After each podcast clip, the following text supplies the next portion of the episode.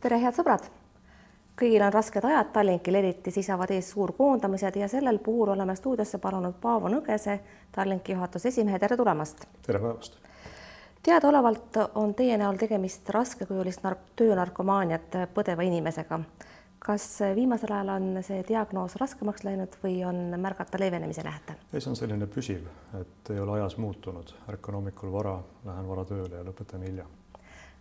Teid nähakse juba kell seitse äh, kontoris, see tähendab, tõusete pool kuus, viis. no järelikult, kui keegi näeb, siis keegi on juba enne mind. aga küsimus oli, kas tõusete kell viis, kuus, veel varem? viis viiskümmend, aga reeglina on paraku nii, et aju alustab tööd peale nelja, nii et siis on juba magamine häiritud. kui palju te üldse selle kriisi vältel äh, öösiti magada saate, kui tihti te ärkate külma higiga, mõeldes selle peale, et teie olete see mees võib-olla kelle juhtimise all Tallink tüürib täiskäigul põhja? Tallink äh, põhja ei tüüri, Tallink on üsna stabiilne, aga Tallink kindlasti peab muutuma oluliselt õhemaks ja efektiivsemaks, äh, kui ta kahe tuhande üheksateistkümnendal aastal oli, sest et meie klassikaline tulubaas lihtsalt on kordades kukkunud. külma higiga ei ole ärganud, aga ma lähen suhteliselt varakult magama, kümne poole üheteist paiku ja seetõttu ka saan täiesti kenasti varakult üles see oli kaks tuhat kaheksateist, kui te Tallinki juhi kohale asusite. aasta pärast seda lubasite, et õige pea on Tallink miljardifirma. kui mitme tolmukihi alla see mõte on praegu maetud? natuke keeruline öelda, selle aasta alguses, jaanuaris-veebruaris me tegelikult olime kenasti selle miljardi graafikus, Tallinkil oli väga hea aasta algus ja siis saabus kutsumata külaline. nüüd on küsimus, et kuidas sellest külalisest lahti saadakse, kas tekib vaktsiin, kas tekib ravim, kas see haigus sureb ise välja ja kui kiire on peale seda tegelikult siis turismisektori taastumine, sest et turismisektor sai kõige kiiremini pihta ja kindlasti taastub kõige kauem. nii et seetõttu, mis aastal Tallink jõuab miljardi euroni, täna on seda keeruline öelda.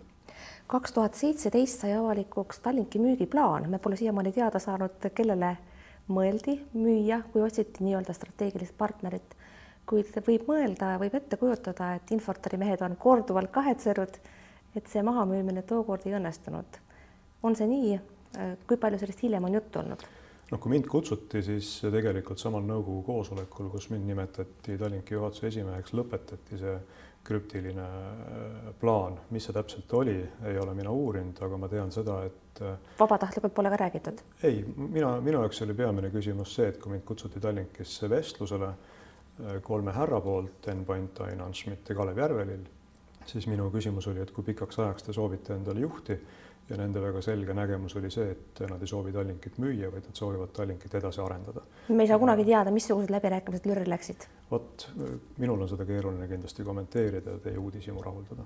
väga kahju, ma olen tõepoolest uudishimulik inimene, tahaksin teada, kellega peeti läbirääkimisi, aga mitte selleks, et seda teada saada, ei kutsunud ma teid siia, vaid rääkima ikkagi eelkõige suurkoondamistest mis seisavad ees ja praegu olete rääkinud tuhande viiesajast inimesest Eestis, kuid ohus on märgatavalt rohkem töökohti, kuna Tallink ei tegutse mitte ainult Eesti piirides. ametiühingud on teile juba mõista andnud, et nii kergesti, nagu teie seda ette kujutasite, teil see asi läbi ei lähe. Ehm, missugune sõnum teil on täna ametiühingutele, kes on juba öelnud, et see, mida te plaanite, välja olete öelnud, ei ole mitte ainult Tallinki, teie omanikke vaid ikkagi riigi ja avalikkuse asi?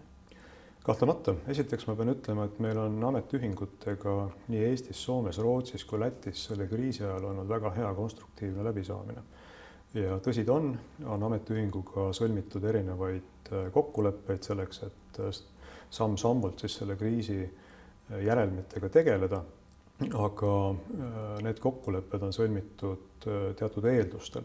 kui Tallink kevadel oma plaane tegi, kriisi alguses, siis oli meie peamine küsimus see, et kas sügisel on Rootsi lahti. kõik lootsid, et Rootsi on lahti.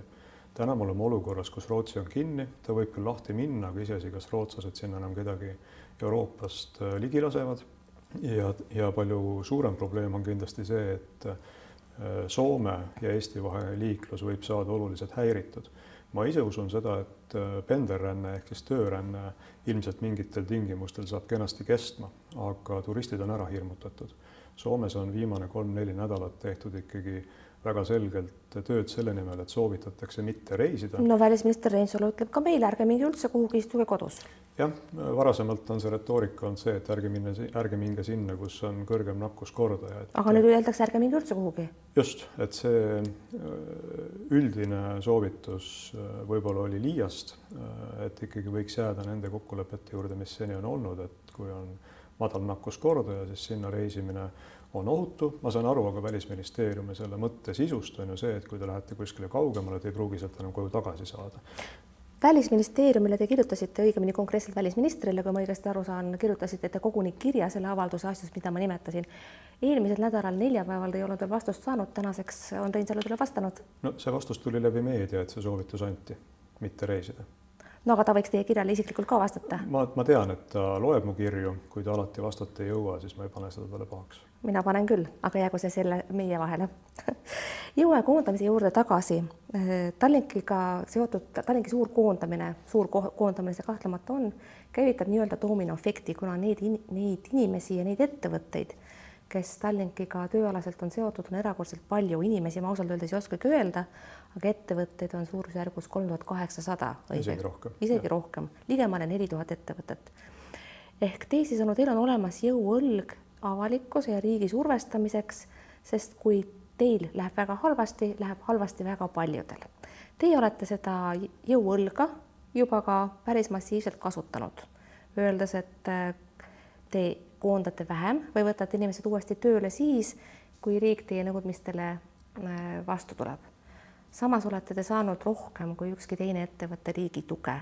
kus siis ikkagi see piir on, palju te tahate, kui palju võib riigilt raha küsida? just, alustame võib-olla sellest, et ega need neli tuhat ettevõtet ei tunne ennast paremini, kui riik teeb palgatoetuse. Need neli tuhat ettevõtet on ennekõike ikkagi ohus, nii nagu Tallink, seetõttu, et meil ei ole turiste palka võib inimestele maksta, aga kui reisijaid laevas ei ole, siis ei ole ka võimalik tellida äh, toiduaineid, äh, mis iganes muid teenuseid oma partneritelt, et põhiline kriis on ikkagi tekitatud sellest, et piirid on kinni. ehk siis mitte kuidagi ei aita neid ligemale nelja tuhat ettevõtet see, kui riik teile veel raha annab, olgu see nüüd selgeks tehtud. jõuame kohe selleni. esiteks kriisis on kogu turismisektor. Tallink on selle sektori lihtsalt kõige suurem tööandja ja nii nagu nende suurte ettevõtetega ikka on, et siis, kui neil läheb väga hästi, ega siis keegi noh, justkui nagu tähele ei pane ja see on selline iseenesestmõistetav, et neil läheb ju hästi. kui on äh, sektorisse saabunud kriis ja see, see sektor või, või need ettevõtted vajavad abi siis suures ettevõttes tulevadki ka suured numbrid, meil on palju töötajaid, kui me peame minema laevade seismapaneku tõttu inimesi koondama, ühes laevas töötab kuni kuussada inimest, siis see on juba väga suur koondamine, üks laev on üks Kreenholm. ja teiselt poolt, kui vaadata korraks nende numbrite taha, siis viimase kolmeteist aasta jooksul on Tallink maksnud Eesti riigikassasse kaheksasada miljonit eurot erinevaid makse. see on jällegi argument, et küsida raha, aga minu meelest see ei päde, maksude maksmine on normaalne tegevus, mitte argument selleks, et saada kriisis raha. absoluutselt aga küll tuleb vaadata, milline on selle ettevõtte panus, kui see ettevõte on elujõuline ja otsustada, et kui palju saab riik või kõik teised selle elujõuliseks teha. aga mida, millal te on... saate uuesti elujõuliseks, meil ei ole mitte ühtegi garantiid, teile võib sinna panna ükskõik kui palju raha sisse, aga meil ei ole mitte kuskil garantiid, et järgmiseks kevadeks, järgmiseks sügiseks, võib-olla kahe aasta pärast Tallink üldse elus on Tallink elus on, aga seda garantiid, kuna täpselt turistid tagasi tulevad, tõesti täna keegi lõpuni ei tea. küll aga me teame seda, et Tallink ei ole ainult äh, turiste vedav ettevõte. Tallinki ülesanne on hoida lahti kaubaliinid väga strateegilistel, strateegiliste sihtkohtade vahel, võtame Eesti-Soome, Eesti-Rootsi vahelise liikluse ja kui nüüd korraks võrrelda, siis seda sadat miljonit eurot, mida, äh, mis on väga suur raha, ma olen täiesti nõus sellega äh, mida siis äh, pidevalt meile meelde tuletatakse. Te pole veel kätte saanud? vastab tõele, aga hakkame saama ja ma lihtsalt toon siis siia juurde näite, et äh, transpordisektoris äh, ongi hetkel väga keeruline. transpordisektor on väga kapitalimahukas ettevõtlusvaldkond ja kui sinna lööb kriis sisse, siis on tegelikult kõik need ettevõtted ümberringi käpuli. toome Finnairi näite. Finnair on Tallinkist kolm koma kaks korda suurem. raha on nad laenanud riigi käest kuus korda rohkem. toome Lufthansa näite. Lufthansa on Tallinkist kuusteist korda suurem. raha on riigi käest laenanud üheksakümmend korda rohkem. ehk siis Tallink on selles valguses transpordisektori ettevõtetest, pannes numbrid võrdlusse käibe ja suurusega tegelikult üsna efektiivselt soovimas läbi saada Te toote teiste maade näiteid, aga Eesti maksumaksja on kindlasti vaesem kui teie nimetatud riikide maksumaksjaid. samas meeldib teile tuua ka Saksamaa näidet, kes pikendas meedet hiljaaegu siis mm. kahekümne esimese aastani, aga jällegi see on selline võrreldamatute asjade võrdlemine. Nemad võivad seda endale palju kergemini lubada kui Eesti maksumaksja. Nad nüüd päris võrreldamatud ei ole, sest et tegelikult ju Finnair ja Tallink osutavad suhteliselt sarnast teenust, kui me räägime seda, et peavad olema otseühendused, peavad olema, peab olema kaubaveovõimekus et lihtsalt see on transpordisektori eripära. Ja Tallink siinjuures äh, on küsinud riigilt laenu äh, proportsionaalselt see oluliselt vähem. kuhu see laen läheb, siis äh, koondamisrahadeks ma pakun. Ei. Suur osa sellest on kokku lepitud juba algusest peale, et me vajame uue laeva sissemakse vahendeid, mis vahetab välja ühe vanema laeva. No aga mis ja... te nende laevadega praegu teete, teil seisavad ju needki laevad, mis teil juba olemas on, milleks te uusi ehitate? Ma arvan, et kui me nii mustades stsenaariumites kõike vaataksime, siis äh, oleks tark üldse elu seisma jätta, et äh, Tallink ikkagi usub, et elu taastub ja ja tuleb ka reisijaid äh, tagasi, tuleb ka kaupa tulevikus vedada, tuleb ühendusi lahti hoida, et Eesti ei oleks omaette saar, vaid ikkagi ühendatud muu Euroopaga. no te eeldate, et kunagi tuleb jälle buum ja elu taastub normaalses mahus, aga praegu oleks loogilisem sellise alalhoidliku mõistuse seisukohalt ikkagi laevu müüa, mitte uusi juurde ehitada see laevaehitusotsus on tehtud kolm aastat tagasi, kui me selle täna katkestaksime, siis tõesti sellest sajast miljonist trahvideks ei jaguks. ah nii, aga palju koondamisrahade peale läheb? natukene vara öelda, me ei ole lõpuni selgeks saanud, kui palju me täpselt inimesi koondame, nagu te teate, koondamise protsess kollektiivse koondamise puhul näeb ette eelteavituse. nüüd on meil aega kokku kaks nädalat pidada läbirääkimisi nii ametiühingutega, töötajatega ja kahe nädala pärast siis anname sisse, nüüd juba natuke vähem Äh, lõplikud arvud, milliseks need kujunevad, aga see omakorda sõltub sellest, et kui mitu laeva me ikkagi seisma paneme. sest et tänaseks on juba tehtud otsused, et äh, seisab Silja Euroopa, äh, on pandud seisma Isabelle ja Romantika. karta on, et need on veel ja kuna turg ei taastu nii kiiresti, siis mitmed laevad tegelikult seisavad kuni järgmise aasta aprillikuuni. aga ikkagi, kuna te kasutate maksumaksja raha, siis ma tahaksin teada, mida te minu rahaga teete. Seesama koondamine ei ole sugugi odav lõbu, seda teavad äh, kõik tööandjad, kes on pidanud ettevõttes koondamise läbi viima, ükskõik missuguse kriisi ajal. Te olete kindlasti teinud mingisugused umbkaudsed rehkendused. oletame, et see koondatavate arv jääb tuhande viiesaja peale. missugustest äh, koondamisrahadest summa summarum me kõneleme? noh, peate vaatama natuke pikemat pilti, et kui me koondame täna inimesi, kui palju see tegelikult ettevõttele avaldab mõju mitte ainult nüüd järgneva kolme kuu, kuue kuu, vaid aasta jooksul.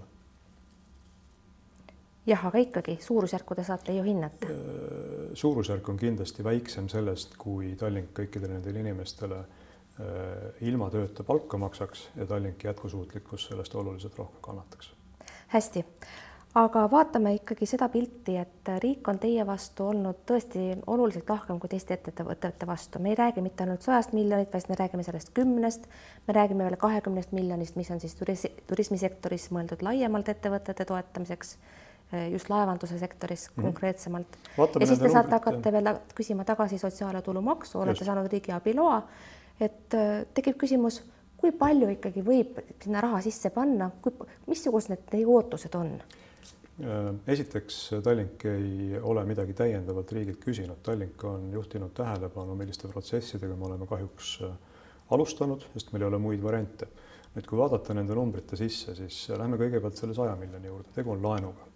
Tegu ei ole toetusega, vaid tegu on laenuga, mis tuleb tagasi maksta. selleks, et üks ettevõte suudaks laene tagasi maksta, peab ta suutma toimida efektiivselt, et genereerida vahendeid, millest siis lõpuks see laen ka tagasi maksta. aga laenu olete, olite te nõus võtma ainult riigilt, mitte näiteks LHV-lt, keda süüdistasite siin seitsmes surmapatus, teie ütlesite, et LHV maine vajab survepesu ja Hans Schmidt tõi lauale sellised äh, karmid sõnad nagu Raisa kotkas, Põhjanooli ja Šaakal ja ma ei mäleta, mis seal kõik veel olid. Jah, LHV-lt ja Navalpinalt, kes guugeldab, äh, hiljuti oli siin ka olümpikasiino kohta üks uudis, ei oleks tõesti laenu tahtnud võtta Äh, ja meie hinnangul ei olnud see kooskõlas meie ettevõtte väärtusega. aga et... kindlasti oli pakkujaid teisigi, teie valisite kõige mugavama, jäite riigi nisa otsa. Äh, riik saab selle laenu andmise eest intressi ja Eesti riik palju oleks,, palju väiksem on see intress, kui turul oleks olnud? see intress kaks protsenti on Tallinki seniste laenude keskmine laenuintress ja selle järgi ka see kaks protsenti tuleb. jaa, aga te ei võrdle seda ju mitte oma laenudega, vaid sellega, missugustel tingimustel saavad laenu teised ettevõtted, kes on hätta sattunud, Me kelle omanikud võib-olla ei saa nii hästi läbi Eesti riigiga, nagu teie omanikud saavad. mina olen kindel, et kui Eestis on ettevõtted, kes on riigile aus ja suuremahuline maksumaksja, siis nendel on kõikidel võimalik minna riigi poole ja öelda, et me vajame abi. Tõesti, Tallinki kaks protsenti tuli Tallinki seniste laenude keskmise intressi pealt, selles mõttes igati loogiline tuletus. Teie seisukohalt, mitte teiste ettevõtete. ma saan aru, et on ka teised saanud kahe protsendiga laenu. aga lähme edasi, et me, me tahaks ikka saada mingit konkreetsemat vastust küsimusele, et eh, kus on piir? kas taevas on piiriks?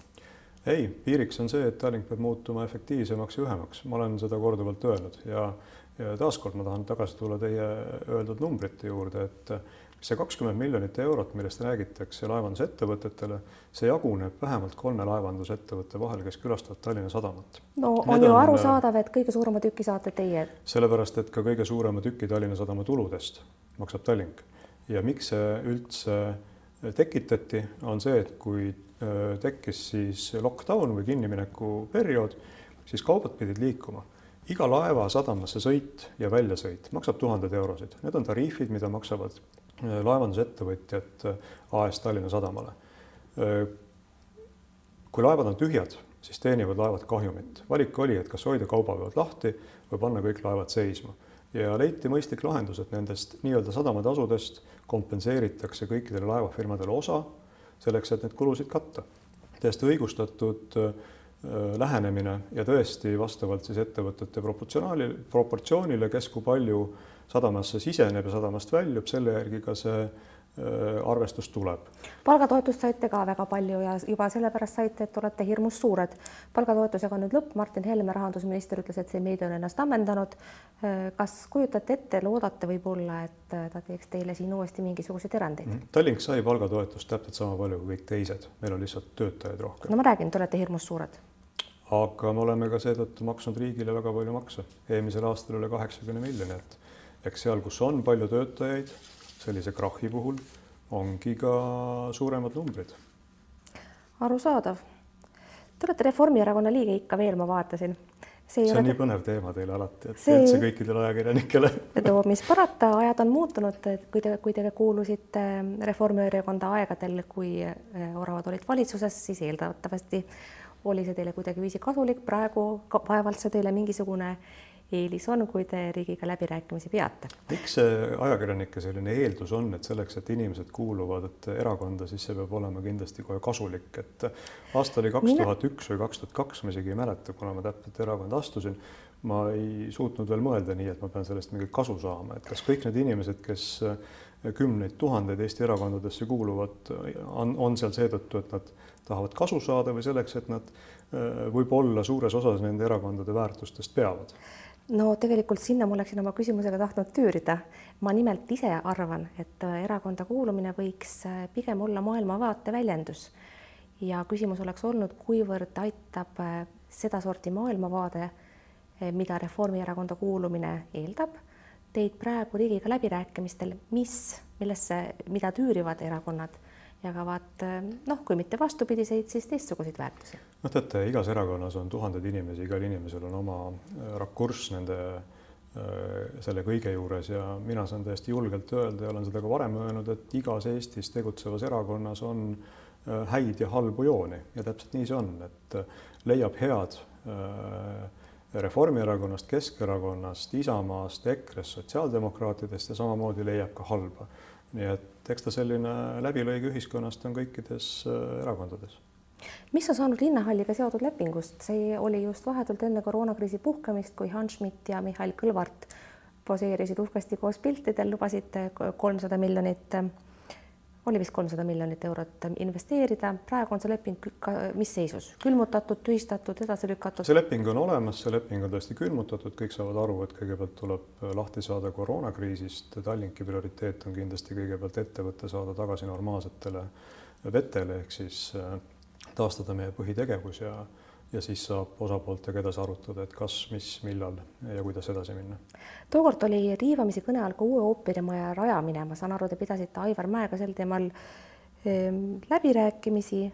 kas see plaan, mis oli jutuks tõesti mitte põhilise osana, aga siiski mulle meelde jäänud, on ka mingil moel veel elus. minu teada räägiti ooperile ühest teisest kinnistust linnahalli lähistel, kus käis Aivar Mäe koos kultuuriministriga, et millises faasis need, kuhu nad siis jõudsid ja mis, kus nad täna on, ma ei oska seda kommenteerida. linnahalli saali sisse ooperimajast meie kontekstis ei ole juttu olnud aga teie olete ometi Aivar Mäega sel teemal vestelnud, sellise märgi ma ajakirjandusest leidsin. ja Aivar Mäega me oleme vestelnud võimalikust ooperimaja rajamisest ühte, teise või kolmandasse kohta, ma arvan, et aasta siis oli kaks tuhat viis, kui me seda esimest korda tegime ja loomulikult aastate jooksul väga palju.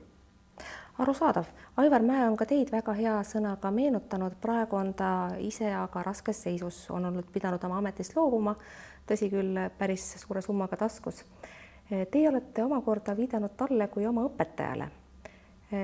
milles te olete pidanud vajalikuks temalt õppida ja kuidas, küsimuse teine pool, kuidas te hindate seda olukorda, millesse ta on sattunud, missugust nõu talle annaksite? ma arvan, et ma annaksin kõikidele hetkel ühesugust nõu, et ootaks ära äh, politsei menetlustoimingute lõpu ja vaataks, mis sealt tuleb. et ma arvan, et äh, senimaani on kõikvõimalikud oletused äh, lihtsalt oletused. meil on olemas riigis pädev organ, politsei, kes minu teada seda kõike uurib, lugesin üsna hiljuti, et Aivar Mäe on käinud kütlusi andmas, nii et ma arvan, et kõik täiendavad oletused sel teemal on hetkel lihtsalt ennatlikud. aga küsimuse esimene pool oli, mida olete temalt õppinud? Aivar Mäe on, ma arvan, õpetanud väga paljudele Eesti inimestele, kes on temaga kokku puutunud, äh, professionaalset äh, organisatsiooni juhtumist, suhtumist inimestesse ja nii edasi, seega see äh, välja paiskunud temaatika on kindlasti nendele inimestele kõigile suur šokk aga sellepärast soovikski aru saada, et äh, kas seal taga on midagi, mis seal taga on ja seda oskab öelda politsei. kui Tallinkis mingid säärased juhtumid võiksid aset leida, et keegi kellelegi noh, pisut viltu vaatab, valesti patsutab, mõned onu heinalikud naljad viskab, kelle jutule siis tuleks minna? Ettevõttes, kuidas teil see käib? meil on olemas erinevaid tasandeid on olemas äh, töökeskkonna volinik, on olemas äh, ametiühingutega seotud usaldusisikud, on olemas personaliosakond, on olemas juhatuse liikmed ja nii edasi, et meil Teile on, võib ka kurtma tulla? loomulikult, minu uks on alati avatud, ma olen seda alati öelnud ja seda on ka alati kasutatud, kui inimesed seda on soovinud, kas siis füüsiliselt kohale tulla, äh, saata kirju, helistada. ma pean aga vist olema ettevaatlik, et ma teid kuidagi viltu ei vaataks, et võib-olla tuleb ka pärast mingi jama kõik on praegu täitsa hästi, mina olen selline, kes tõstab kohe kisa, kui midagi peaks olema, ärge üldse muretsege. aga pööraks korraks veel hästi lühidalt tagasi selle parteilise temaatika juurde, mis minu meelest teile hästi korda läks. Ehm, Kenderi skandaali ajal, kui Kender hakkas sirpi üle võtma ja Lang oli kultuuriminister, pidi sellest äh, ametikohast loobuma selle skandaali pärast, siis oli kõne all, et teie võiksite kultuuriministriks saada. miks teist tookord ministrit ei saanud, kas Randjärv oli siis hierarhias nii palju eespool või te ise ei tahtnud? Randjärv oli juba tolleks ajaks minister olnud, et kultuuriministriks sai Urve Tiidus. vabandust, eksisingi nimega, Tiidust mõtlesingi, vabandust. Äh, ei olnud sel hetkel isegi plaani sellist, ma olin äh, kantsleriks üsna hiljuti hakanud või kutsutud, see oli esimene jaanuar kaks tuhat kolmteist, see kriis minu arust oli kas kaks tuhat kolmteist aasta lõpp. et äh, ei, ei olnud üldse jutuks, ma arvan, et tollel hetkel oli vajalik, et äh, majas oleks järjepidevus just nimelt kantsleri tasandil ja mul ei ole olnud äh, ambitsiooni minna tipp-poliitikasse, siin on, on räägitud äh, peale seda veel väga huvitavatest teemadest nagu Tartu linnapea ja, ja ma olen kõikidest nendest loobunud. hästi, Paavo Nõgene, viimane küsimus, lühike vastus, milleks te isiklikult olete valmis selles kriisis? vaevalt ohustab teid pitsapoisi saatus või mõni muu lihtsam töö, mida te vaevalt tegema olete harjunud kuid äh, siiski, milleks te isiklikult valmis olete, kui kõik peaks minema kehvasti? ma juhin tähelepanu, et ma olen olnud ajalehepoiss ja ei, ei ole mingit probleemi minna neid ajalehti taas müüma, kui selleks on vajadus.